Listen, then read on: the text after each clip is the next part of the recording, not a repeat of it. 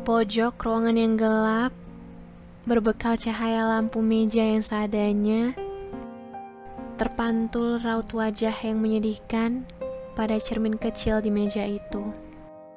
Tidak terasa, telah banyak yang ia lalui. Telah penuh isi kepala dengan ragam ide-ide yang terbengkalai dan pikiran-pikiran yang tak semestinya mengganggu telah retak hatinya menjadi potongan-potongan kecil yang tidak bisa ia susun lagi sesempurna dulu. Telah habis matanya mengeluarkan rintik air yang terkadang kian menderas itu.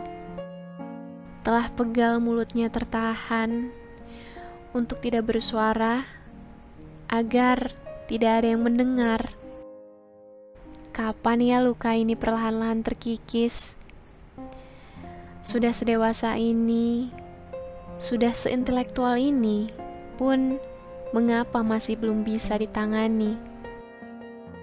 Perlahan, satu persatu Tuhan kirimkan kandidat penjahit yang kelihatannya mau menawarkan bantuannya. Mereka datang mempromosikan diri dengan yakin dan mampu menjahit luka yang ada. Tapi promosi di awal terkadang tidak sesuai realitanya. Banyak yang mengaku tidak sanggup melanjutkan jahitannya. Ada juga yang ternyata sama terlukanya denganku.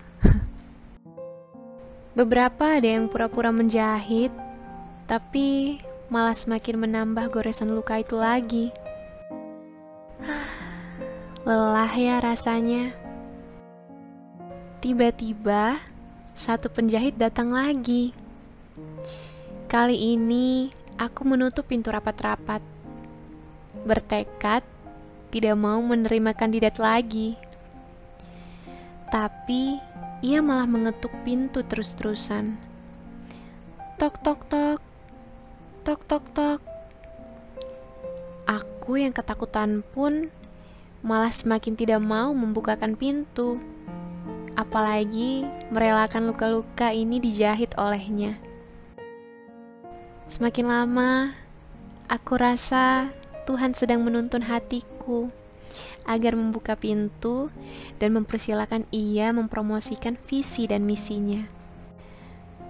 Baiklah Tuhan, kalau begitu Aku izin membukakan pintu untuk penjahit satu ini dulu ya. Terima kasih tuntunannya. Aku percaya padamu dan jawabanmu atas doa-doaku sebelumnya. Sebenarnya dia tidak pernah menawarkan jasanya.